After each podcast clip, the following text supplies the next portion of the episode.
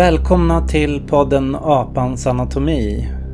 Idag har jag med mig Robin Zackari från Skiftet. Hej Robin!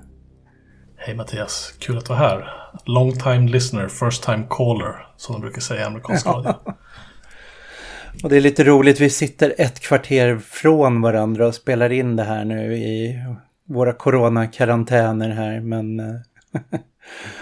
Ja, det är speciella tidpunkter man lever i när man inte kan träffas och istället så skickas det olika ettor och nollor runt om i datanätverk för att sedan landa några hundra meter från varandra. Du, du jobbar fortfarande åt skiftet, väl? Även om du sitter hemifrån? Ja, det gör jag. Jag är ju, eh, ja, min tjänstebeskrivning, min, min titel är kanslichef. Så att eh, för på Ja. Folkrörelsen Skiftet. Och de som inte vet vad skiftet är för någonting, vad är det för slags organisation? För det är ju inte en vanlig medlemsorganisation eller Miljöförbundet eller Naturskyddsföreningen eller något. Ja, vill man vara med i en förening så finns det ju tusentals i Sverige där, där finns det liksom ingen brist. Men man kan väl säga att vi på skiftet är en organisation som med hjälp av mobilisering online och offline arbetar för ett jämlikt och hållbart samhälle. Där vi försöker sätta liksom den vanliga medborgaren i fokus snarare än stora företag eller politiska partier eller ja, försöker vara lite mer snabbfotad än många andra liksom mera klassiska folkrörelser. Men hur länge har ni funnits? Ja, vi har funnits i några år nu. Ehm, ja, vi lanserades hösten 2016. Nej, förlåt, 2014. Um, Time flies. Och eh, har väl vuxit liksom ganska, ganska stadigt sedan dess, kan man säga. Uh, från att nästan ingen känner till oss till att vi har, ja, men vi har ganska stort genomslag nu och vi har rätt många som är aktiva. Så det, det är roligt.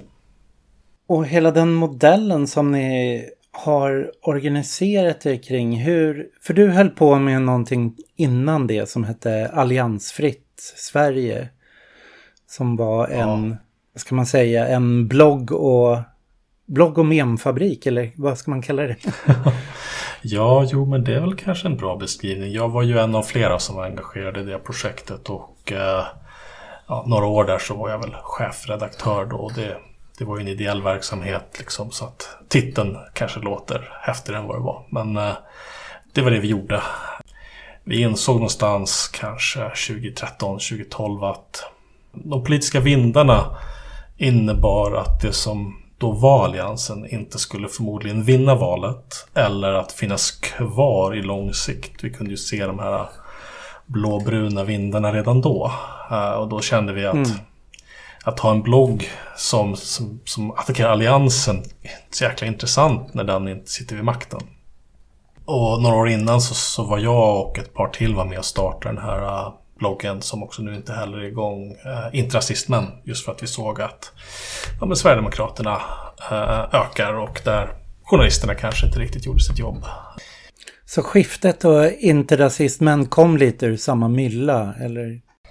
Ja, alltså jag, jag är bara en av flera som har, har grundat den. Så att jag, det, är- det är några andra som är betydligt mera eh, ansvariga att hylla eller skylla på vem, vad man nu föredrar för intrasismen. Men vi- som var med och grundade skiftet, vi är ju några stycken, eh, ingen nämnd, ingen glömd. Men vi kände att jo men det finns någonting här. Det finns, vi vill kanske stå för någonting istället bara för att vara emot någonting.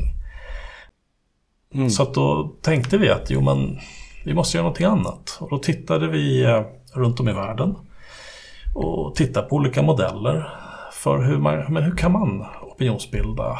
Och då landade vi som liksom kanske kom från en digital bakgrund gillade göra saker på internet kanske snarare än ha möten och organisera folk kanske där de bor eller ja, att eh, jo, men vi kan ha en modell som bygger på att man, vi gör namninsamlingar för saker vi tror på och sen så ber vi dem som skriver under de här att, att göra mer saker. Att gå på en demonstration, att kanske ja, men mejla en politiker eller kanske ringa eller skänka en slant. Eh, och så vill vi också låta vanligt folk starta sina egna kampanjer. För att ge liksom samma verktyg som de stora organisationerna förfogar över till, till vanligt folk. Någonstans där ligger liksom vårt etos. Att vi vill att många ska kunna göra någonting litet. Snarare än att kanske liksom be få människor göra någonting stort. Men så skiftet, eh, ni både startar kampanjer och har redskap då för att andra ska kunna starta kampanjer. Hur mycket kampanjer är det ni driver parallellt? Ja, hur långsiktiga det... och hur långa brukar en kampanj ja. vara? Som... Jättetråkiga svaret är att det beror lite på. Men man kan väl säga att vi försöker balansera vissa lite olika saker eftersom um, vi, vi vill ju att många ska engagera sig. Så att ibland är det person som startar en, eh, ett upprop om, ja, men till exempel om att en person som har en, en CP-skada och jobbat i 26 år med att klyva ved i en kommun. Mm. Och sen är plötsligt så får, får den personen kicken istället för en julklapp. Då kan den kampanjen dra iväg och tiotusentals skriver under den på kort tid. Och då, då, då, då, drar vi oss dit lite. Um, så att vi försöker ha liksom korta, snabba saker vi känner vi kan vinna och sen så har vi ibland vissa frågor som är så här långsiktiga och jättemånga år som till exempel TTIP-avtalet. Det var ingen som brydde sig om det när vi lanserade och där lyckades vi i alla fall få folk att förstå att det här avtalet finns överhuvudtaget. Så att det är ganska datadrivet i den meningen. Så här, vad, vad är det som folk gillar? Vad kan vi få folk att göra mer i? Um, vad, vad kan vi göra för taktiker inom en kampanj där folk är beredda att uh, skänka en slant till exempel? Så att vi försöker liksom ha någon form av mix och balans. Men jag tror det som skiljer oss från ganska många är just att vi tittar rätt mycket på data. Och, och, och låter det informera våra val. Hur gör ni då? Ja, alltså vi tittar till exempel hur många är det som har skrivit under den här kampanjen den senaste dagen? Hur många är det som har gjort det här den senaste veckan? Och då får vi en ganska bra liksom holistisk idé av så här, men det här är det som engagerar våra aktiva. För att men, vi är inte ett parti, vi är inte en fackförening så att vi representerar liksom inte någon sorts form av, vad ska man säga, kader i den meningen. Utan vi är ju där, vi representerar de som engagerat sig i en viss kampanj. Eh, och då vill vi representera så många som möjligt. Med det sagt så har vi självklart värderingar i vilka kampanjer som folk får driva. De måste ju såklart vara antirasistiska, feministiska och, och klimatvänliga. Vi skulle ju aldrig tillåta motsatsen. Men ni kom lite ur socialdemokratins närhet. Hur står ni idag då till Socialdemokraterna? Rebecka Uvell, ja. Eh, mästargrävaren på högerkanten skulle ju säga att det är facken som betalar er och att det är Sveavägen som pytsar in era löner. Så här, hur ser det ut? Ja, vi är ju helt partipolitiskt oberoende. Det här är väl lite, ska man säga, glädjen och, eh, och förbannelsen att vara det. Att ena dagen så skriver några Twitterkommunister att vi är ett gäng eh, gråsossar med laptops, med Apple-laptops och nästa dag så skriker någon liksom på högerkanten att vi är sossar och eh, samtidigt kan jag sitta och prata med sossar som är skitarga på oss för att vi liksom gör någon kampanj som de inte gillar. Så att um, det, det, är väl det här härliga med att vara fristående. Att alla, alla kan hitta ett skäl att ogilla en. Så, så jag, jag önskar jag kunde dela med mig den korrespondens jag har med vissa socialdemokratiska företrädare. För att, eh, det, det, det, ska jag ju inte göra såklart, men det, det, det blir tragikomiskt ibland när man sitter där och vet att folk är skitsura på en för att man har, har sagt något de inte gillar och sen sitter någon och liksom kokar ihop någon mm. intressant soppa om att vi får massa pengar. Men det, det gör vi inte. Mm. Får inga pengar av LO heller. De, de, de har min mailadress tror jag. Den finns på hemsidan. Det är bara att höra av er om ni vill skänka de här miljonerna. Så att, ja, jag väntar fortfarande.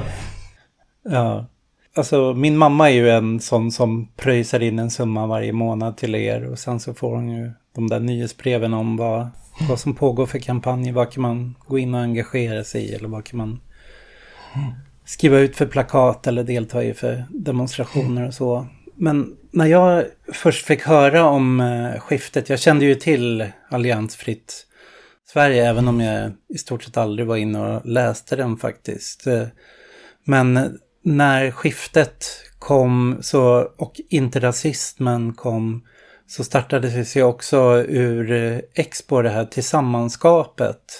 Mm. Och jag hade ju lite kontakt med tillsammanskapet.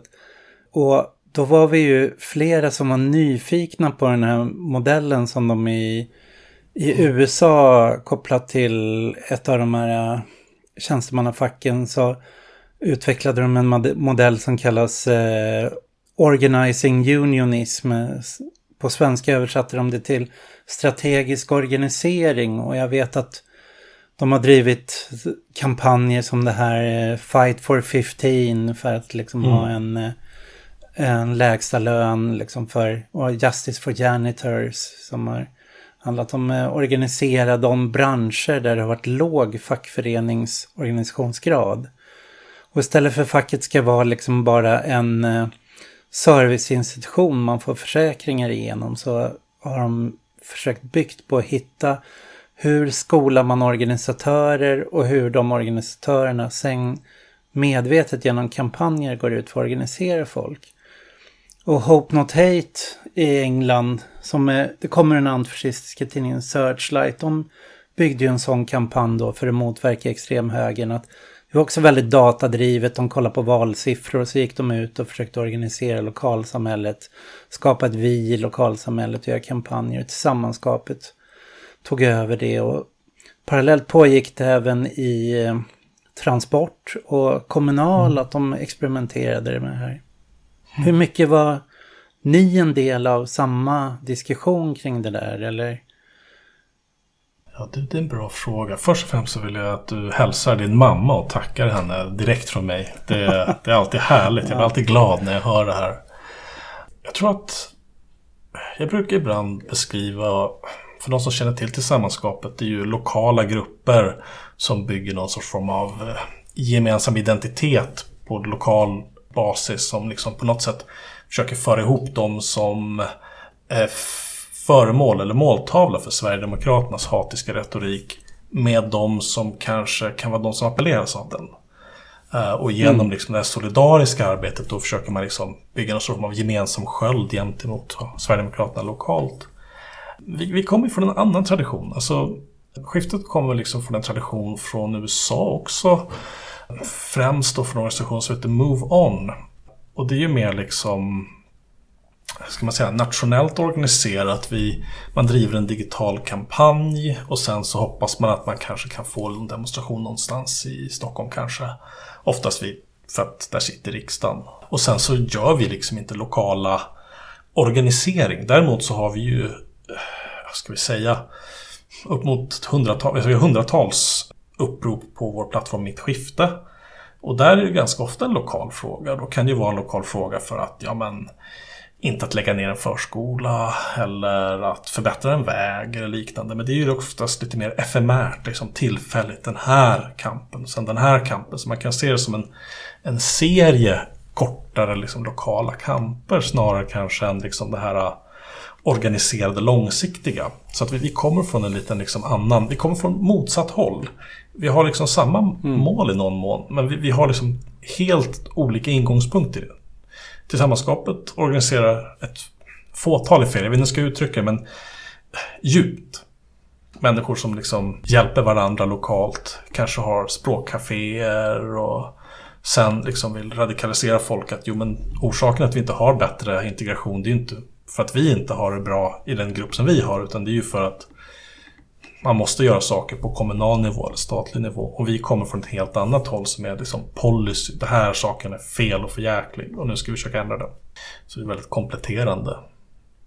Ja, det är intressant med den här verktygsformen som ni, som ni kör på. För att eh, min, min bakgrund den är ju inom miljörörelsen från början. Jag var mm. med i Fältbiologerna. Och på ja, tidigt 90-tal så var jag över en hel del och träffade Natur och ungdom i Norge som var vår systerorganisation då, Fältbiologerna på den tiden.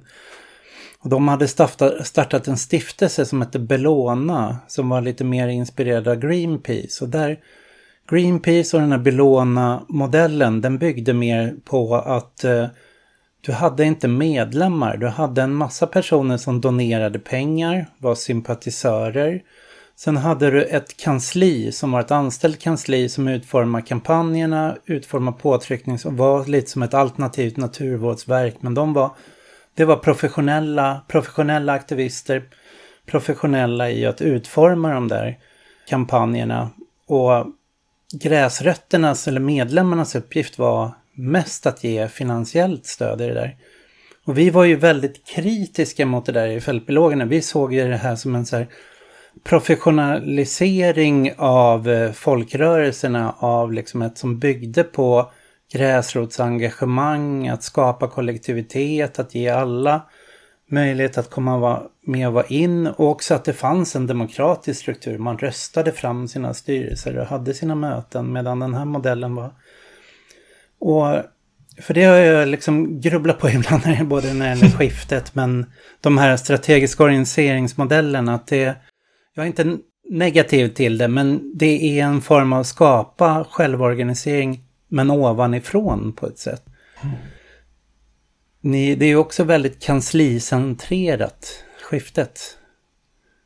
Ja, det är jätteintressant. Jag, jag funderar mycket på det där också. Jag, jag, tror att man kan försöka dela upp det här lite olika. Det, det är en enorm fråga, så tillåt mig att vara Aha. Teoretisk. Om jag inte får vara i den här podden, vad kan man annars vara det? Ja, verkligen. Det är det som är poängen. när, man, när man pratar om demokrati så kan man ju ha lite olika syn. Alltså man kan ju ha... Att demokratisk legitimitet kan ju hamna komma utifrån några olika saker. Bland annat liksom metoden för att man har en förening, att man röstar. Och då finns det liksom en, en så här klassisk att man liksom inuti försöker förändra. Voice kallas det ibland i statsvetenskapen. Man har en röst liksom, att man kan vara med. Och sen så finns den här klassiska exit då, att man kan lämna den då liksom. Voice or exit kallas det ibland.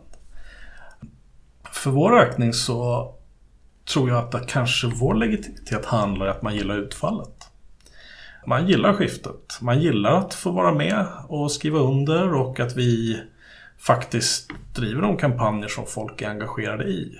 Eh, snarare att man är så intresserad av motioner och årsmöten och formalia.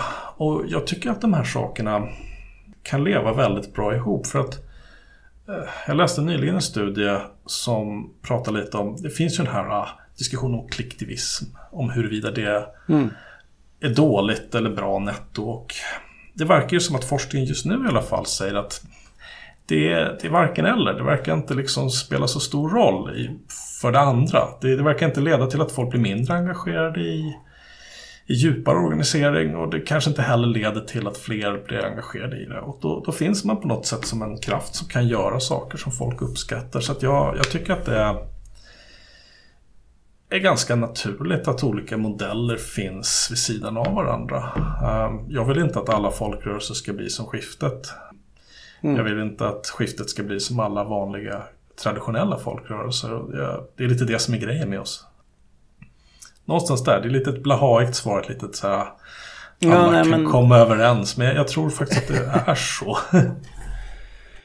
Eh, för mig så svängde ju pendeln lite åt andra hållet. Jag gick från den här eh, sociala rörelsen, folkrörelsen med medlemskap till att gå till den autonoma rörelsen som var extremt, allt kretsade bara kring praktiker. Att enda sättet att vara med var att vara aktiv och det viktiga var att nå resultaten. Man satsade aldrig på att bygga något egentligen kontinuerligt utan det var verksamheten var, var det centrala så att det var lätt att gå med men det var också lätt att trilla ur på en gång och det mm. var man ackumulerade inte någon slags någon struktur eller byggde någon form av motinstitutioner utan det kunde vara att man var tusentals personer på en demonstration ena månaden och nästa månaden så var det, det nätverket dött och borta och existerade inte längre.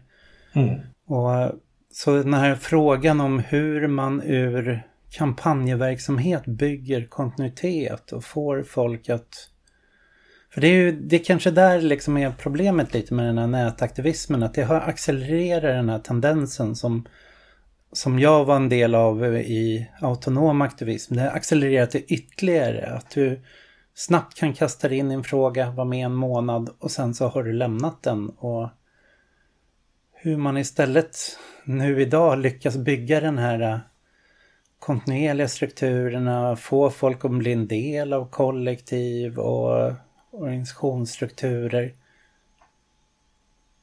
Speciellt ja. nu i pandemin när, när man märker att hur viktig organisationsstrukturen är för att hålla kvar någonting. Eh, ja, jag håller med. Jag tycker det här är väldigt intressant. Jag, om man ska tillåta sig vara lite filosofisk så kanske säga att ibland så kan man beskriva skiftet som liksom ackumulerade kamper i den meningen att vi har människor som kommer från ganska olika håll. Du kanske varit med i TTIP, du kanske varit med i ja, kampanjen för att rädda 1177 från privatisering och sättet för oss att liksom bära med oss kunskap och, och, engagemang det är en kampanj till och en kampanj till och en kampanj till. Liksom aldrig sluta kampanja. Mm. Det, det komplicerade blir ju hur tar man nästa steg i den här modellen och ska man vara ärlig i anglosaxiska länder som har ett brittiskt kolonialt arv så har man oftast helt vansinniga valsystem. Och då blir det väldigt mycket den här modellen att jo, men hur hittar man fickor i de här eh, eller liksom, delar av valsystemet som inte funkar. Jag menar, så här, någon liten, liksom, liten stad någonstans där det liksom står och väger. Vem ska styra landet? Ska liksom Ska den här personen, mm. om den får en röst mer så får de konservativa styra och annars får de liberala styra. Eh, och då, då blir det väldigt mycket liksom elektoralt arbete. Eh, I ett land som Sverige då med ett väldigt proportionellt system då, då är inte det lika viktigt för en organisation som oss. Så vi, vi försöker driva en ny kamp, ny dag, en ny kamp.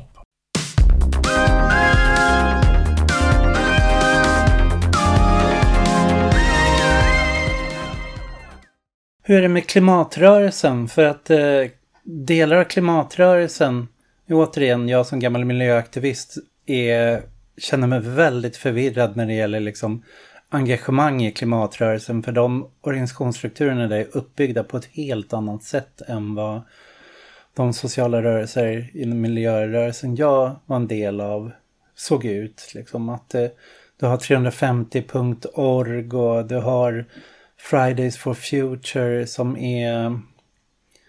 Ja, 350.org är väl snarlikt uppbyggda som skiftet, om jag förstår det rätt. Ni har väl jobbat väldigt mycket tillsammans med dem? Ja, vi har jobbat ett par gånger.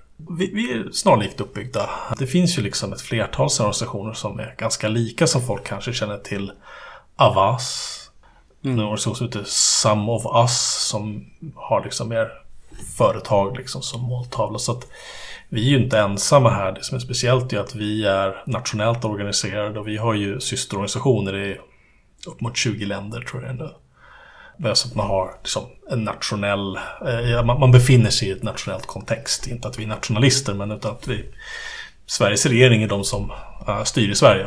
Eh, förutom det som EU bestämmer. Då, så att så finns det de som har liksom en fråga som 350 eller All Out är ju liksom eh, HBTQ-rörelsens motsvarighet. Så att vi, vi är inte ensamma med att ha just den här modellen om att liksom köra namninsamlingar, ha en databas så man kan kontakta folk och, och ta dem vidare.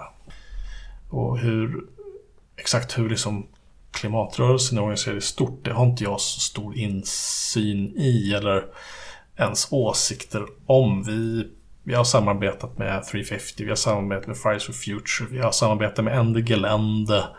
Eh, och där tycker jag har vi en intressant grej som man kan beskriva. Att när vi, vi har ju stöttat Ende Gelände ett par gånger och då har vi skickat ut ett mejl och så har tusentals av våra fått rösta. Ska vi, ska vi stötta liksom en, en civil olydnadsaktion? Och då har vi fått liksom 80-90% som säger det. Så att det verkar ju som att ganska många i gemen, liksom, även de som är skiftaktiva som kanske inte alla är liksom, autonoma och tycker att liksom, helst av allt vill blockera en gruva, tycker att det här är en bra grej. Så att vi, vi hittar liksom olika sätt att delta i ett större eh, kollektiv liksom, för klimatet. Och, men det är kanske lite mer ad hoc basis. Vi sitter inte på så mycket möten.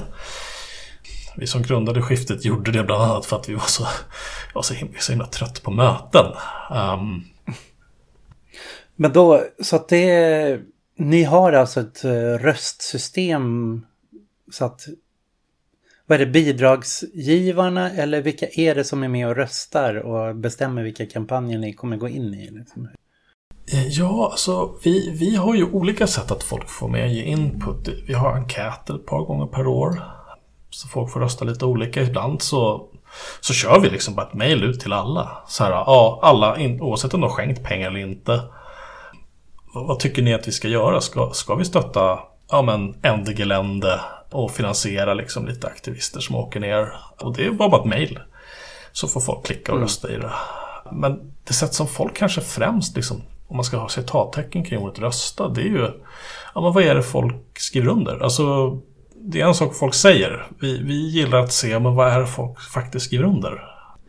Så att varje dag kollar vi på vår data på morgonen. Så här, men har det kommit in en ny kampanj? Är det någon som har liksom fått 5000 underskrifter över, över kvällen? Ja, men då är den het. Då får vi titta på den. Vad, vad, vad, kan vi göra där? Kan vi hjälpa till någonting? Kan vi hjälpa till att ta fram en strategi? Kan vi...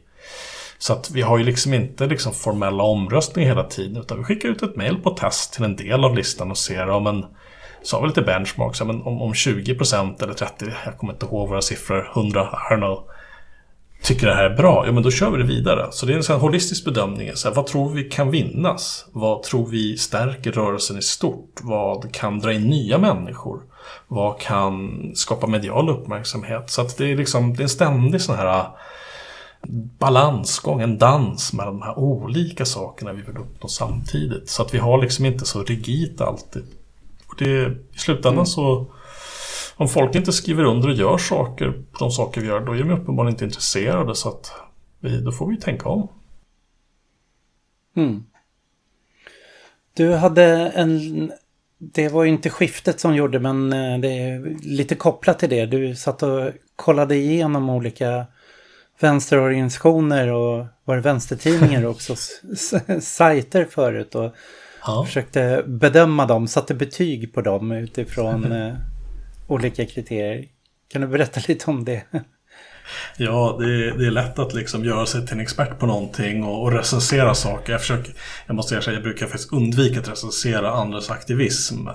Utan det här var mer liksom, hur kan jag titta på olika hemsidor och se, men vad vill de uppnå med den här hemsidan? Jag, jag märkte en trend och det var ju att nästan ingen bad om att få ha kontakt med en, med en rörelse, alltså en tidning, ett annat. Och det mest enkla sättet att få kontakt med någon är via mail. Vi har inte någon fetisch mm. för mail utan det är mest så att Facebook har algoritmer, Twitter har algoritmer, Instagram har algoritmer. Mail har inte riktigt det. Så det kan vara en väldigt bra kanal att kontakta folk direkt. Jag har bara sett att det har varit en eh, underskattad kanal. Jag tror att väldigt många vänstern bara gick till Facebook och Instagram och Twitter. Instagram för liksom att bygga, och Twitter för att bygga ett personligt varumärke. Facebook för att kanske ha organisationens varumärke. Och så glömmer man lätt att men, mail finns. 98% av svenska folket använder mail. Eh, du kan inte existera i Sverige utan den här kanalen och samtidigt så är det här den som behandlas mest styvmoderligt. Och det tyckte jag var lite lite märkligt. Så det är väl kontentan av mina liksom småsura recensioner av ideella föreningar utan resurser. Hoppas att folk inte har blivit allt för, för arga. Och om de har blivit det så får de gärna höra av sig så kan jag be om ursäkt.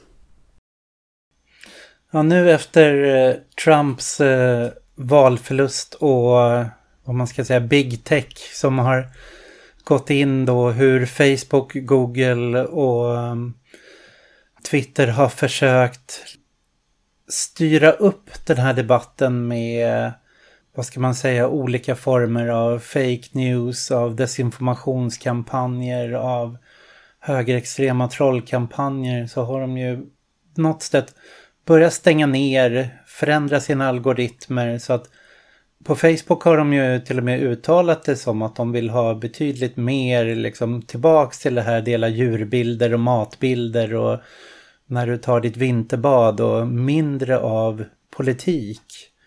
Och ska du ha spridning ska du antingen betala för spridning men även jag är med i tidningen Brand och jag har sett nu Feministiskt perspektiv har gått ut med en eh, debattinlägg där de säger att de inlägg man sponsrar och försöker få spridning på blir allt, eh, når allt färre. Att Facebook och de aktivt begränsar räckvidden för, för politiskt material och spridning.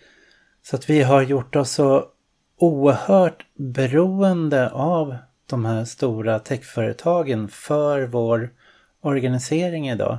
Jag tror som feministiskt initiativ tror jag till och med var uppbyggt kring hela deras valkampanj valarbete kring Facebookgrupper, att det var där de organiserade sig. Och jag vet att Sverigedemokraternas partiledning, de sitter på en chatt som heter El Presidente och liksom tar sin dagliga diskussion hur de ska styra sitt parti. Så det är liksom politiken där sker via, via. Facebook och inte via kanaler eller liksom forum längre som man själv har kontroll över och äger datan. Mm. Det, det stämmer och en av orsakerna att vi jag ska säga, vi såg, jag såg, vi såg den här trenden att Facebook drog åt tumskruvarna på alla sorters material i början kanske för att alltså det är så modellen funkar. Um, du, du ska betala för räckvidden för att det, det, är ju, alltså Facebook är ju en annonsmarknad. Det är ju det, är det i grund och botten är och när du inte betalar för en tjänst då är det du som är kunden. Mm. Så att vi kunde ju se den där för länge, länge sedan att det redan började dras åt.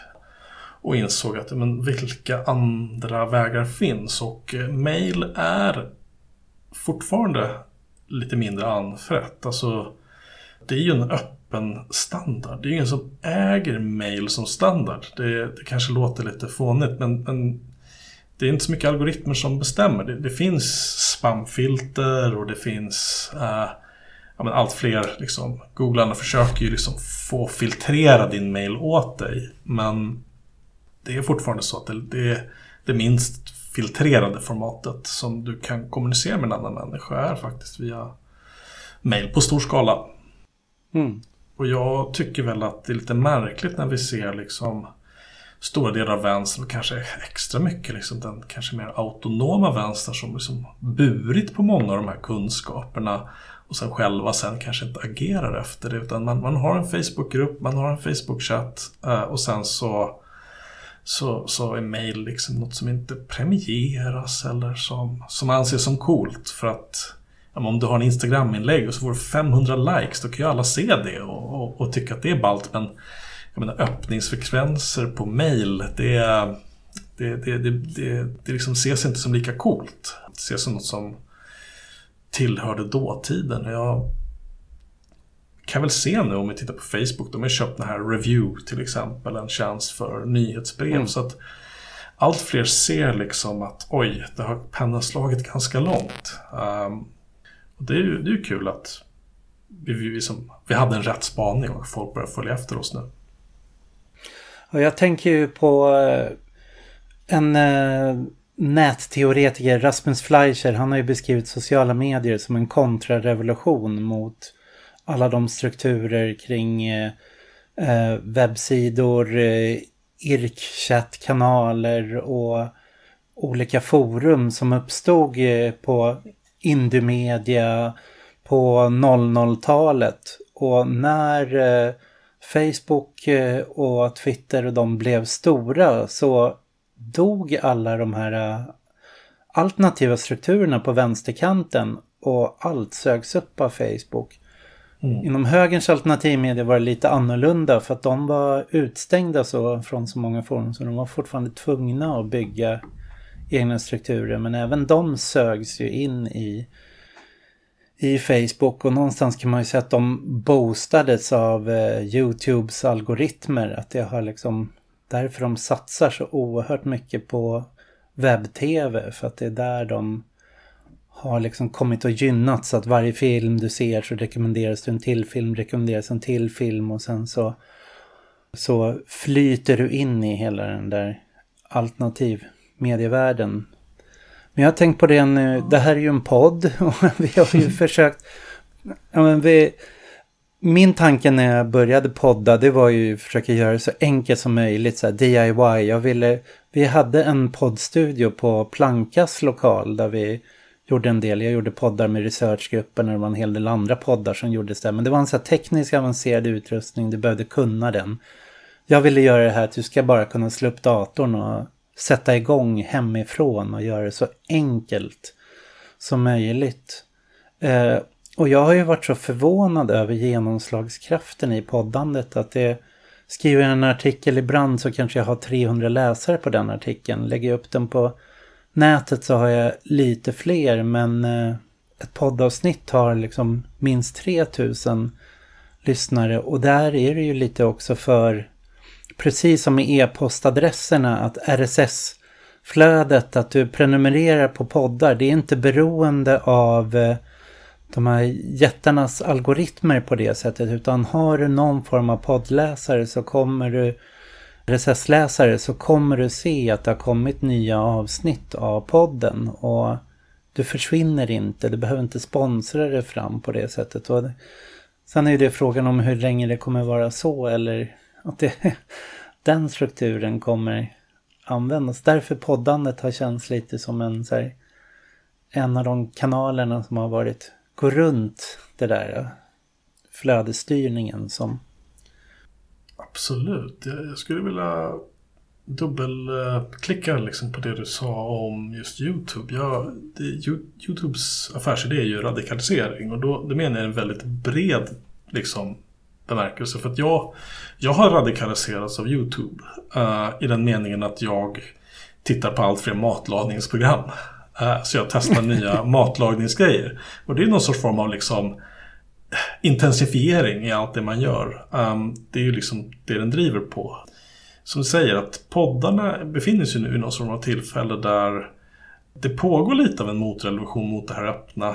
Um, du har Acast, du har Spotify, allt fler vill liksom mm. stänga in innehållet och dig i deras ekosystem. Och sen så är de algoritmer som när du öppnar deras app så rekommenderar de mer av det här och mer av det här. Men du kan ju faktiskt fortfarande komma runt det om, om du se till att liksom ha ett ställe där du kan ladda upp dina poddar. Så att jag, jag tycker det är väldigt trevligt med poddar just att du, du kan välja att lyssna på avsnitt eller inte, men du får se alla avsnitten. Och, och man har ju märkt att ja, men det känns lite som att vänstern kör poddarna och extremhögern kör YouTube. Mm. För de har ju byggt massa tv-studios där de sitter liksom med, med green screens och, och, bakgrunder och med sina liksom oftast tajta kostymer och, och pratar extremt högtidligt på, på varandra. Och, och, någonstans så är det också känsligt. Och det är bara för att finnas på plattformen YouTube där många människor är. En podd måste du ibland liksom söka upp och du måste kanske hitta den där jäkla RSS-länken och klippa in. Så det har liksom en högre tröskel. Uh, och då, det är intressant då att det finns ju ja, den här Radio Noden till exempel som, som har svar mm. på det. Där de försöker samla liksom alla vänsterpoddar. Och det, det känns som att uh, media är inte så intresserad av sådana saker. Det, det räcker ju med att en, en högerextrem person startar en blogg nu så får du liksom automatiskt nyhetsplats liksom.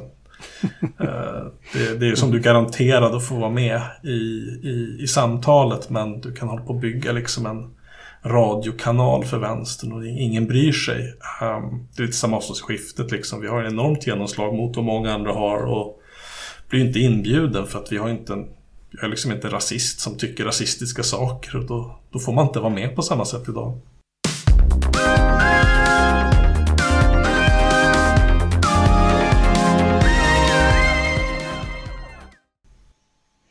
Jag pratade med Anna som bygger upp eh, Vänsterpartiets tv. Mm. De försöker nu bygga som studio och möjlighet att öva sig i sändningar. Liksom lansera Norsi rätt hårt på i sina nätkanaler. Jag var med när hon jobbade på Flamman där i deras morgon-tv några gånger bara för jag ville se. Det var ju väldigt begränsad krets än så länge som tittade på de där Flammans morgon-tv. Men det var ju... Man måste se, man måste ju börja lära sig det lilla innan man kan, innan man kan slå stort. Men ju mer jag har liksom tittat och tänkt på det och liksom har försökt se vad finns det för framgångsmodeller när det gäller vänstern i att slå. Att då har du, dels har du det här med breadtube som är vänsterinfluencers på YouTube ska man väl säga. Eller som de kan diskutera filosofiärenden, de kan diskutera eh, politik.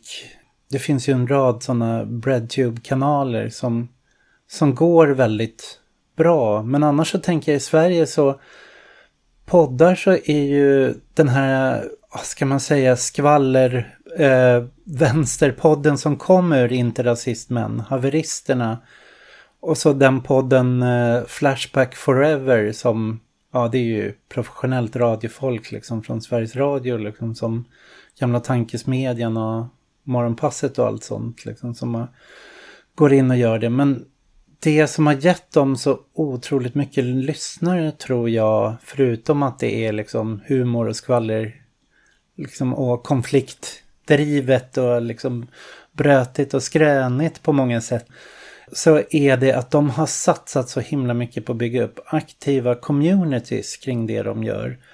Och jag började titta på vänstermedia på ett annat sätt efter det. Liksom och se vilka inom vänstermedia är det som har aktiva communities. Och jag, jag kommer faktiskt inte på en enda än. Liksom. Från man ska ta de större ETC, Syre till Arbetaren, till Internationalen, till, till Brand som jag själv håller på med eller den här podden. Jag har ju en Facebookgrupp, jag lägger upp länkar, jag lägger upp länkar på Twitter men det finns inte på något sätt ett aktivt deltagande och diskuterande i det. Och för ta haveristerna på, som ett exempel. De sitter ju och har en Discord-kanal där de sitter och super ihop, chattar, spelar spel. Och så då och då så gör de också livesändningar eller spelar in. Och så har de Patreon så att de har exklusiva material för vissa.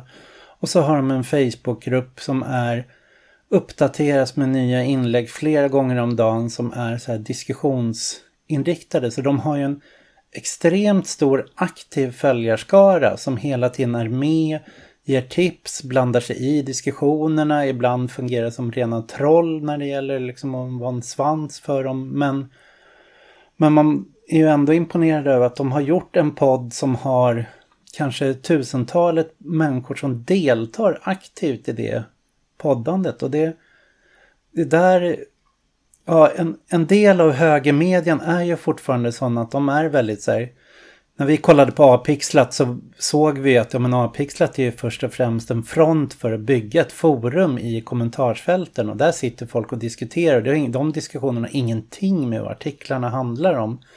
Att de där forumdeltagarna, att de skapade den Sverigevänliga rörelsen som det kommer att kallas. Genom att skapa alla sina alternativ medier till aktiva communities. Men vad, varför är vänstern så bedrövlig på att skapa sådana aktiva följarskaror? Och jag, jag skiftet att ni har möjlighet att rösta, man har möjlighet att göra kampanjer, men det är ändå väldigt låg grad av deltagande där också. Ser och hur fan gör vi för att bli bättre på det här? ja, eh, jag tror att olika organisationer har olika möjligheter, olika modeller. Jag, jag, är inte säker på att vi varken kan, vill eller ska ha en så aktiv följarskara som kanske en podd som Haveristen eller så har. För det är lite mer av min livsstil. Um, jag tror att det kanske handlar om att uh, om man tittar på de vänsterpoddar som har slagit så har det oftast varit att inte så att vi, vi tycker om att ha kul. Eh, och sen så säger vi saker om människor du tycker illa om. Och, och det är ungefär det extremhögern gör hela tiden i alla sina projekt. Du, du tycker illa om de här människorna och vi säger det du redan tycker. Och det är ganska lätt att bygga upp en engagemang i det.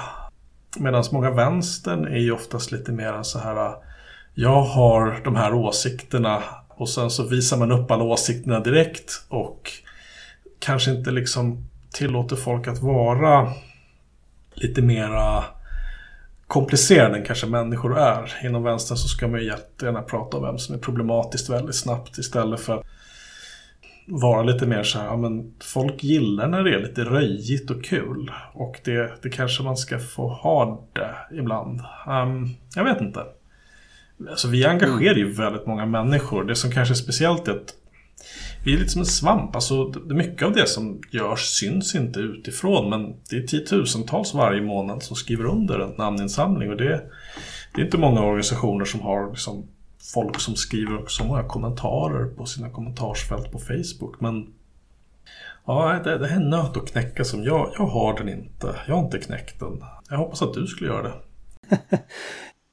Vi har ju den diskussionen mycket tillsammans med andra poddar, med andra vänsterpoddar och kring det här radionoden och vi har ju fört det liksom i de så här att vi, vi måste lära oss tillbaks till att skapa aktiva communityn. Att indie-media skapade ett aktivt community runt omkring sig. Att eh, fanns förut ett nätforum som hette socialist.nu där var du 17 år och bodde i någon liten stad i Sverige så var det där du gick in och fick din politiska skolning och deltog i diskussionen och sen åkte du ner på någon demonstration eller gjorde någon stödaktion i din stad samtidigt. Att det fanns ett direkt ställe liksom du kunde komma in och vara med och Facebook och Twitter fungerar inte på det sättet. Så här, visst, du kan följa personer och se direkt vad som sker och skriva svar men det fungerar inte aktiverande alls på det sättet. Så Men eh, samtidigt tror jag inte helt på att lämna de här stora techplattformarna för att man når en stor spridning där utan frågan är hur man kan bygga en egen textstruktur utanför så man sen skickar in sina länkar. Liksom, man går in i flödet men stängs man av så så faller inte allting utan då, då är den kanalen stängd. Då får man se till att det sprids andra kanaler.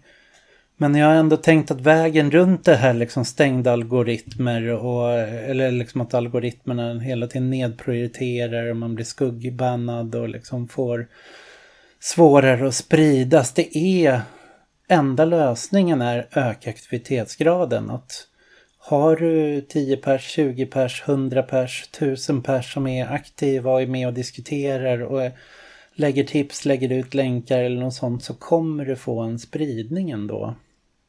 Jag, var jag kollade faktiskt på fanzines häromdagen. Det finns ett jättebra fanzine-arkiv som någon punkare satt och började scanna fanzines för jag ville mm. se liksom så här hur hur fanzine-explosionen som kom i början av 80-talet och sen Många av de fanzinen var ju kortvariga men en del blev rätt professionella och fick stor spridning och då fanns en anarkistisk tidning som hette April som sen togs över av Mats och Uni Drogge, April.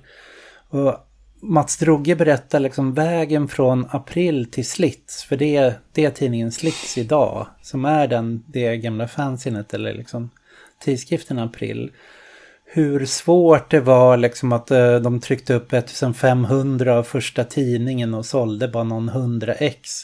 Sen så fick de Nils Jensen som var den stora alternativartisten liksom tidigt 80-tal och göra en singel och skicka med tidningen och då började det klicka och sen blev de omnämnda om det var i Bommen eller någonting i, i radio. Då fick de direkt 3000 prenumeranter liksom och sen sköt de uppåt efter det. det. Det gällde liksom att åka snålskjuts på någon musiker och bli omnämnd i riksmedia för att synas. liksom för att kunna. Men då kunde det å andra sidan växa rätt snabbt. Idag är det ju mm. sån otrolig mångfald och kakafoni av röster som det går inte att liksom titta på Mats Droges väg från fanzine till stortidning och liksom göra Nej. om den resan riktigt.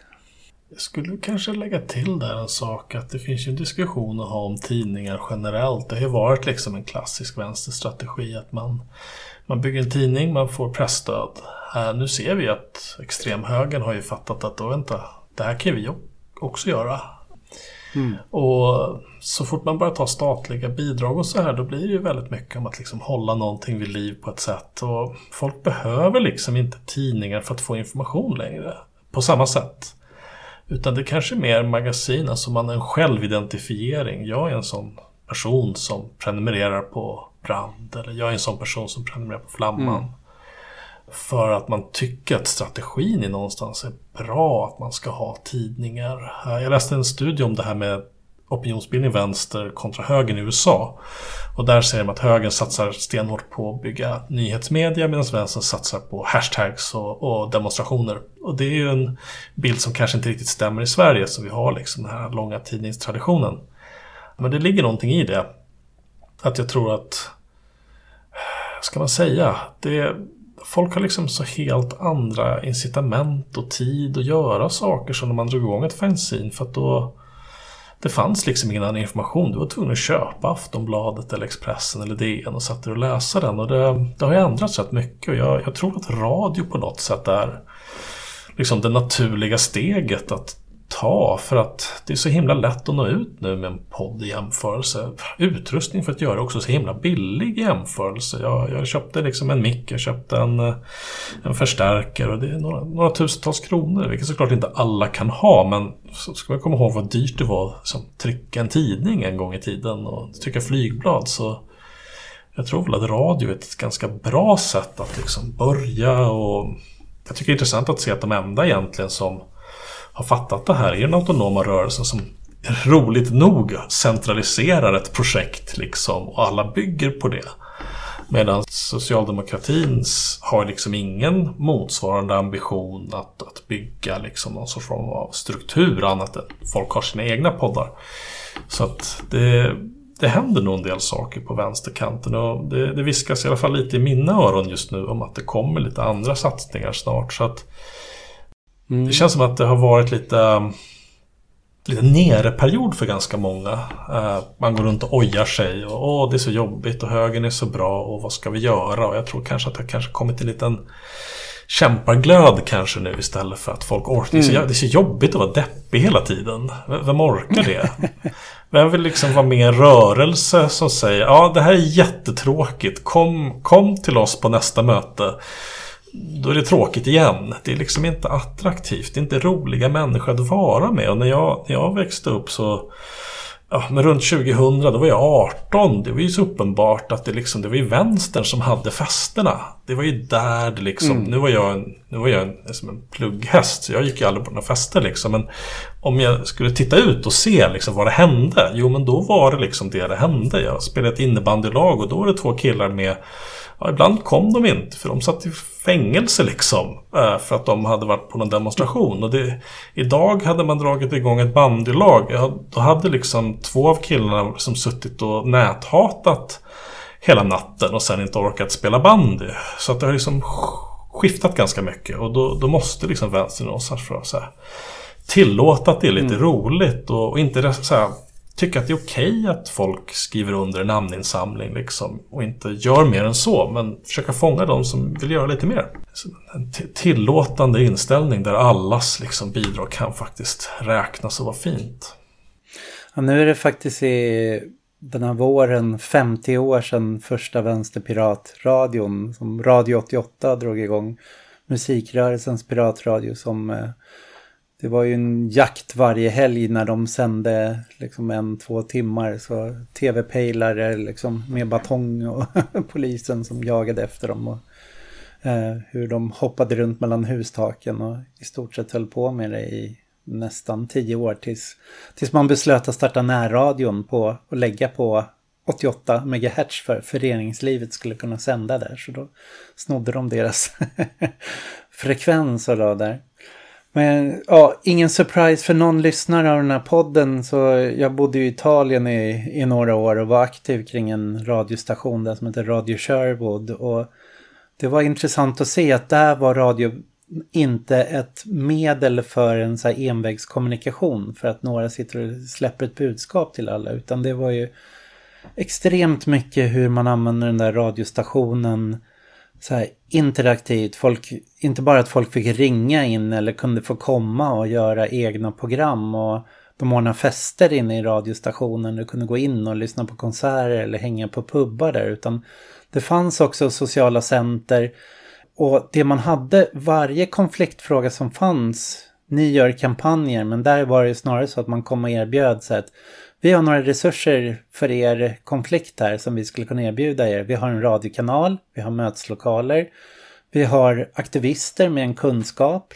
Alla de tre kan komma in och vara med. Vi kan sätta upp radioutrustningen i er eh, lokal eller i ert kvarter. Vi kan komma med ett folkkök och servera mat i ert kvarter om ni organiserar ett möte så har ni en chans att nå ut. Så att man erbjöd en resursbas och varje sån rörelse som kom, varje våg såg till att ackumulera fler och fler sådana resurser så att du kunde inför varje våg eller inför varje fråga så hade du en, en större sån här resursbas att sätta mm. in där som kunde hjälpa till och knuffa. Och jag tänker, jag hoppas att skiftet fungerar lite på samma sätt och jag tänker att Radionoden är också ett sådant projekt att bygga resursbaser för där vänsterpoddarna själva inte kan nå ut så försöker man se till att vara med och bygga de hjälpstrukturer som kan ge ytterligare skjuts.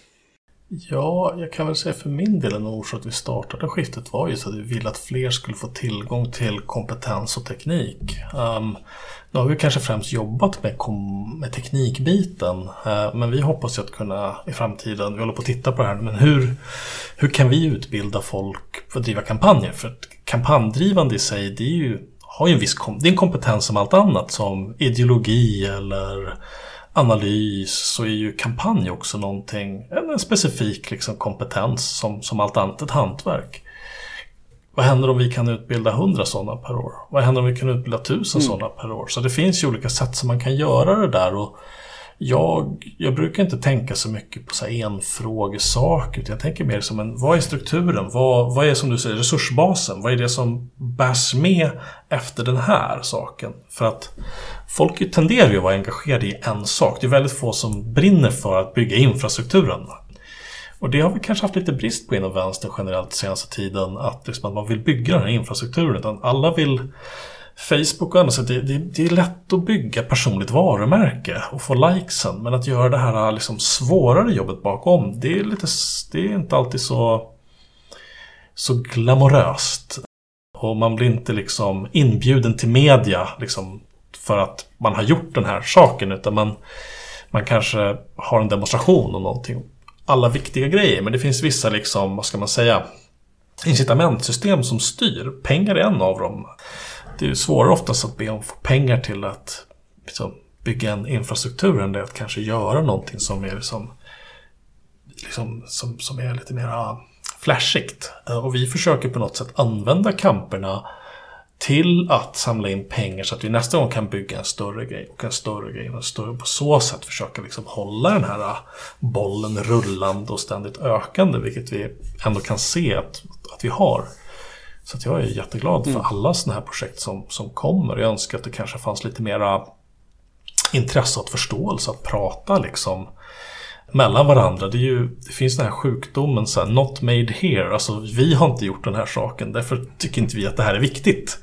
För att alla måste vara liksom smarta och ha kommit på den smarta grejen. Och sen så kan man kanske skriva en text och skriva en ledartext eller något sånt. Och då tycker jag ändå att man är smart.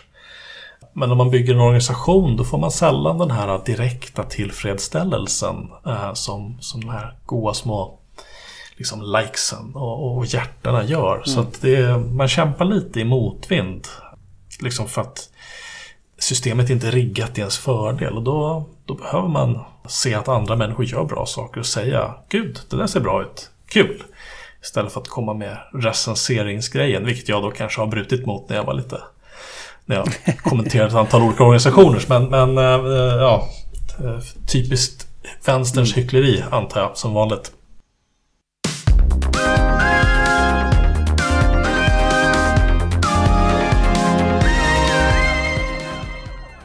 Jag har sett nu, jag skickade dig en länk på en text också i, var i Times tror jag, som eh, de här Exakt 24, extremhögerns nya försök till tv-kanal, de har suttit och föreläst om den här och sett att det här var den hemliga framgångsmodellen som Biden vann valet mot Trump, hur Trump krossades. Och där har de ju tittat då på en sån modell som inte har kommit inifrån Demokraterna utan snarare från fackföreningsrörelsen, hur de tidigt förstod i USA att eh, Trump skulle försöka med två strategier. Att antingen skulle han försöka vinna genom att obstruera möjligheten för valdeltagande, hålla valdeltagandet så lågt som möjligt under pandemin. Speciellt i liksom stater där Demokraterna kunde vinna. Eller så om han förlorade så skulle han på olika sätt falsifiera rösterna och säga att ja, men det här har gått till på olagligt sätt att så många kunde komma in och rösta här. Det måste vara valfusk eller det, eller det handlar om att vallagarna har ändrats eller att eh, ja, det har eh, ja, genom olika former av vad man kallar lawfare, att använda lagen då försöka ogiltigförklara deltagandet. Och då det såg vi ju hur det gick. Men tidigt så, så uppmärksammades det här. Det här Times tar upp en, eh, han är så här senior rådgivare, Mike Podhorser och att eh, AFL CEO, det är väl typ motsvarande deras LO i USA, fackföreningsrörelsen. Hur de byggde en sån eh, inför valet där för att på alla sätt kunna försöka kontra de problem de såg i valrörelsen. Att kunna, där Trumps jurister kommer gå in och försöka sabotera, hur får man att de såg att eh, Trump försöker begränsa valdeltagandet. Hur utökar man valdeltagandet maximalt möjligt och också ser till att det inte ogiltigt förklaras att ha egna advokater. Och sen så byggde de en stor struktur där här, som även fick näringslivsstöd och gick in och supportade Black Lives Matter och var med. Så här. Men eh, högen sitter och läser den där texten. Men vad, vad tror du inför valet här? Lite så här. Vad, för nu har vi en socialdemokrati som har med januariavtalet bakbundit sig att bedriva en nyliberal politik. Jag har pratat mycket om det i den här podden innan att här, Socialdemokraterna i sina valutvärdering kom ju de fram till att det enda sättet de aktivt kan bemöta SDs röster och bemöta SD i facket var ju liksom att påpeka att eh, Sverigedemokraterna kommer stödja ett borgerligt block, en borgerlig politik, en privatiseringspolitik, nedskärningar pensionerna, nedskärningar i sjukvården, det vi ser i skånska kommuner där SD är med och styr nu. Men i och med att de mm. själva har bundit upp sig med en nyliberal politik så faller hela den här strategin. Och vi har då ett konservativt block i formerande. Så här.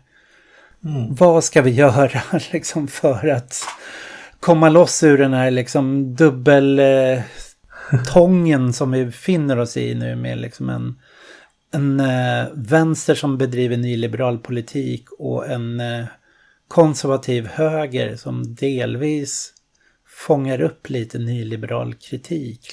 Och där Socialdemokraternas enda svar just nu är att gestalta sig själva som antifascister. Att påpeka att eh, konservativa blocket är fascister. nu frågar jag dig som kampanjmästare här. Nu.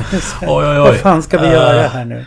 Ja, men det första jag tänker är att ja, men, Lite gör väl kanske extremhögern det här klassiska misstaget att vi tittar på USA och sen så tar vi hem det eh, till Sverige. Mm. Det, vad heter den här Rules for Radicals? Vad heter han som har skrev den som de Ja, Saul Alinsky. Mm. Ja, de är besatta i Saul Alinsky som är någon liksom halvkänd liksom, som hade en speciell organiseringsmodell och de är jättearga på det liksom. Mm. Och alltså det amerikanska valet, amerikansk politik är ju, du har ju ett, ett valsystem som är helt broken. Det funkar inte. Så nästan allt handlar ju om att rigga det systemet på olika sätt. Eller hindra liksom riggning av det.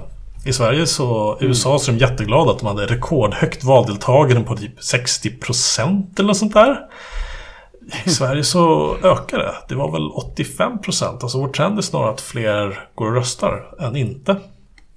Så att när man ska titta på USA och ta hem allting så är det lätt att det blir lite fel. Och det, det får väl högern, de här extremhögern lära sig någonting om.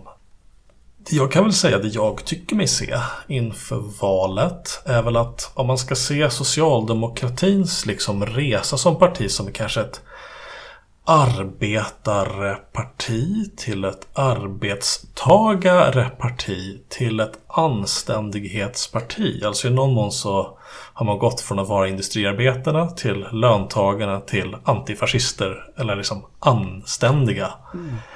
Uh, och då, då blir det ju liksom inte den här höger-vänster-konflikten. Um, alltid. Och då, jag tror väl att en av de mest effektiva sakerna förra valet var att korrekt säga att Sverigedemokraterna inte litar på aborträtten.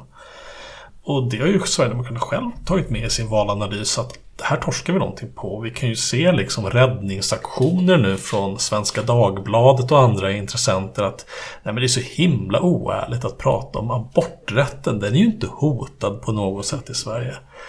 Nej, kanske inte direkt men äh, aborträtten i Polen var inte hotad för 20 år. Alltså så här, det, det, det går snabbt va. Äh, det kan ta lång tid mm. också. Mm. Så att jag tror att det Socialdemokraterna kommer köra det här valet är att ta, ja, men visa vad, vad faktiskt ett blåbrunt alternativ innebär. Och det är rätt många som faktiskt ogillar det. Alltså det, det, är, till, det är många som gör det. Men den här liksom nyliberala socialdemokratiska alliansen kanske fortfarande ett tag till är mer populärt. Om än oerhört destruktivt främst för Socialdemokraterna. Och det är ju, det är ju Centerns strategi. De säger ju rakt ut. Det här ska göra ont. Alltså, och då har, då har man ju släppt. Men vilka värderingar är det vi står för? Vad vill vi få igenom? Nej men det ska göra ont för sossarna. Så sossarna sitter i den här rävsaxen att den politik de skulle behöva för att få sverigedemokratiska väljare. Det är inte alla som har kommit från sossarna. Det ska vi komma ihåg. Det är även radikalisering inom högern. Så de vill ju låsa fast det här. De vill ju att det ska, inte ska vara liksom... Så att det, det är en extrem nöt att knäcka och förr eller senare kommer det att spricka. Alltså, det, det kommer inte funka en dag när Socialdemokraterna liksom ser sina opinionssiffror. När jag började bli politiskt engagerad var Socialdemokraterna ett 40% parti. Sen kallade man sig 30% parti. Nu är ju frågan, kommer man närmare 30 än 20% i valet? Och med en Covid har ju som hjälpt lite. Vi får se hur länge den, det som håller i sig. Men det, det kommer bli en konstig valrörelse. Jag vet inte.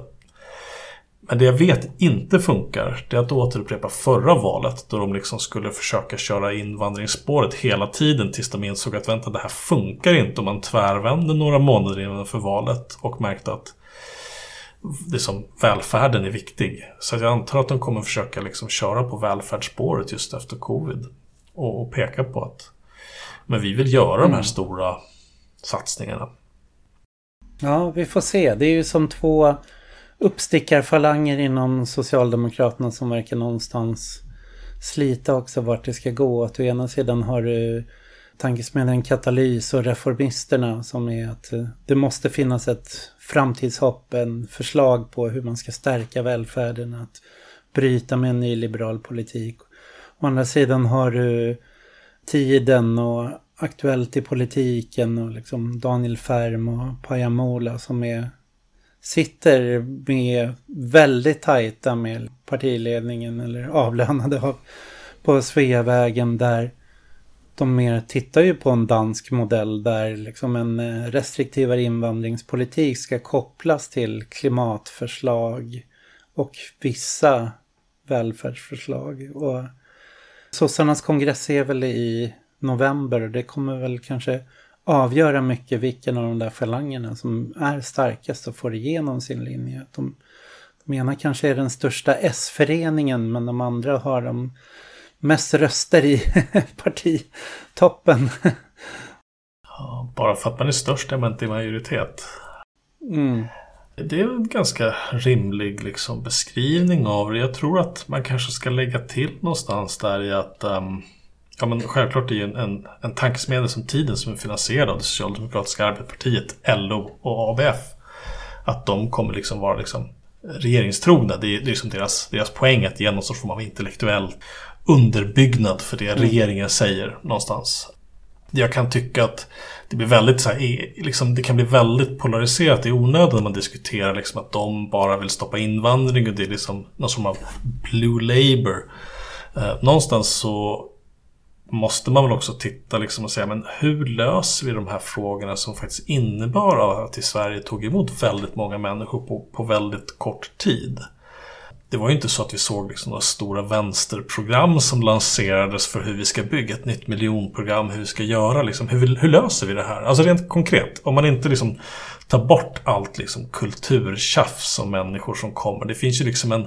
Det är människor, de är kött. De, de behöver saker, de, de förtjänar saker som medborgare. Eller mm. bara som människor. Och där kan jag väl tycka att den debatten har inte riktigt inträffat ännu. Där man liksom inte behöver mötas på halva vägen. Utan där man säger att jo men det finns ytterst stora problem som vi måste hantera. Och då kan man komma liksom från en ideal, idealistisk syn som säger att alla människor är lika värda, alla ska få komma. Fine, det är, det är, en, det är en högst legitim ideologi att ha. Och sen så kommer de som extremt och ser sig själva som praktiska, alltså men vi måste lösa det här, alltså måste vi stoppa all invandring. Istället för att liksom kunna mm. ha en bredare diskussion om som, hur vill vi att samhället ska se ut? Hur når vi dit? Och då försvinner vissa av de här mer polariserande, vad ska man säga, inslagen. Och jag tror att Danmark är ju lätt att prata om, men då ska man komma ihåg att det danska valet gick ju inte ens fram. Men de tyckte att det var helt okej okay för att andra partier så jag, jag, tror att man måste se liksom S och V som någon sorts form av ska man säga, socialdemokratisk koalition i princip. Av liksom, i någon mån så är Vänsterpartiet nej men ett socialdemokratiskt parti idag. Mm. Så att slår man ihop dem, man ska nästan slå ihop S och Vs siffror. Och då får man liksom någon sorts av vikt om man säger så här stor är den röda vänstern i Sverige. Sen så kan man kanske lägga till Miljöpartiet som, som grön vänster sen. Men så det kan ju vara Socialdemokraterna mm. kanske är helt okej okay med att tappa 3 procentenheter, 5 procentenheter i Vänsterpartiet om blocket blir lite större för att man tror, det är, det man, det är deras strategi, att man ska kunna locka de här. Men det man gjorde i Danmark, det var att man faktiskt tog de här äh, människornas ytterst materiella oro på allvar. Alltså pensioner till exempel. I Sverige så har vi en pensionsuppgörelse. Men i Danmark så sa de, jo men är du en gammal bryggeriarbetare och har slitit ut dig, då ska väl inte du liksom behöva göra allt det här hemska som, som vi har i Sverige, att du är tvungen att jobba. Alltså en lite o, outforskad del i varför Sverigedemokraterna blir så stora är ju också bland annat för att det är så enormt, det har varit en maskin av avslag i Försäkringskassan. Där människor som faktiskt kanske litade på samhället och inte längre gör det och faktiskt med, alltså med rätta om Socialdemokraterna mm. inte kommer till liksom faktiskt tar hand om verkliga problem och bara vill prata liksom tuff mot brott, tuff mot invandring. Då är det bara spel för gallerierna och det, det förstår folk. Folk är liksom Folk är inte dumma. De, de ser ju att liksom, ska man, ska man jaga invandrare då finns originalet, det finns Sverigedemokraterna. Ja, jag tror ju att vi behöver någon slags ett eh, trefrontskrig för att förändra socialdemokratin nu. Och det är både en strategi inifrån som Reformisterna, en strategi utifrån som Vänsterpartiet och strategi underifrån som, eh, vad ska man säga, skiftet och sociala rörelser och kampanjorganisationer. Och att det är liksom mycket upp till oss att eh, driva på och driva framåt det vi gör kommer få effekt för vilket handlingsutrymme reformisterna har. Hur mycket Vänsterpartiet växer kommer också ha effekt på liksom var Socialdemokraterna kommer gå. Det är just det där, äh, de tre benen måste hitta ett sätt att gå ihop utan att fälla varandra utan snarare, man behöver inte göra samma grejer, man kan göra helt olika grejer men vi måste ändå veta att vi vi alla har ett gemensamt projekt nu och det är att vrida socialdemokratin ur nyliberalismen och lansera nya offensiva program liksom när det gäller som kommer föra oss framåt så att säga, stärka våra positioner oavsett vad, vart vi sen vill någonstans. Ja, och någonstans är väl problemet som en brist på ideologidebatt. Vad, vad vill vi göra? Vad, alltså, vad ska samhället vara? Huruvida vi har en regering som styrs av några som kallar sig för socialdemokrater eller inte är ju mycket mindre viktigt än vad som faktiskt görs. Alltså, för att mm. en gång i tiden så hade ju folk betydligt mer identifikation med partier men då utförde också partierna det de faktiskt liksom på något sätt lovade i, i större skala.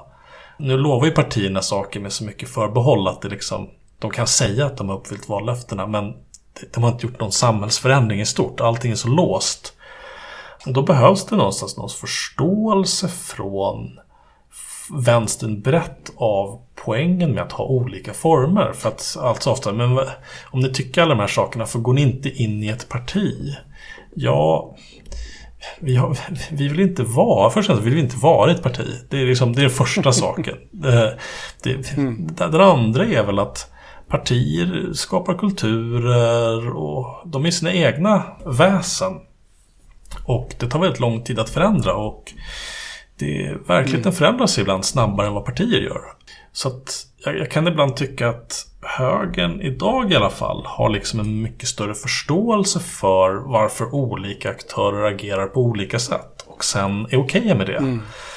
För att nu i vänster så måste man ofta säga jag måste stå bakom det här till 100% om jag ska tycka att det här är bra. Annars är det problematiskt och direkt farligt. Uh, det är lite mera liksom mm. Konstigt nog kramkalas inom högern liksom där du kan liksom sitta och dela saker från sju, åtta olika sidor som liksom går allt ifrån liksom till ja, men, förintelseförnekare till liksom bara liksom slaskhöger. Och mm. de kan liksom skriva upprop tillsammans som liksom, liksom tillsammans med antisemiter för att liksom det är så stor kramkalas just nu. Det, det brukar ju vara när det ökar. Vi får ju se när det sen, om det slutar. Det är liksom, då kommer knivarna ut. Va? Det, det är lättare att vara generös mm. i överflöd. Um, så det får vi se. När de får sin kapitoliumstormning. Säng, sänker ja. de själva. Mm. Ja, nej vi, vi kanske ska avsluta där. Vi har pratat rätt länge nu. Att det det börjar snart närma sig valtider igen och det finns all anledning att fortsätta den här diskussionen från ett utomparlamentariskt perspektiv. Vad man kan göra som rörelser. Jag är glad att du var med Robin och gav dina tips och idéer hur ni jobbar. Himla trevligt att uh, få vara med så här. Tack, tack. På återhörande. Tackar, tackar. Du detsamma. Ha det gott. Música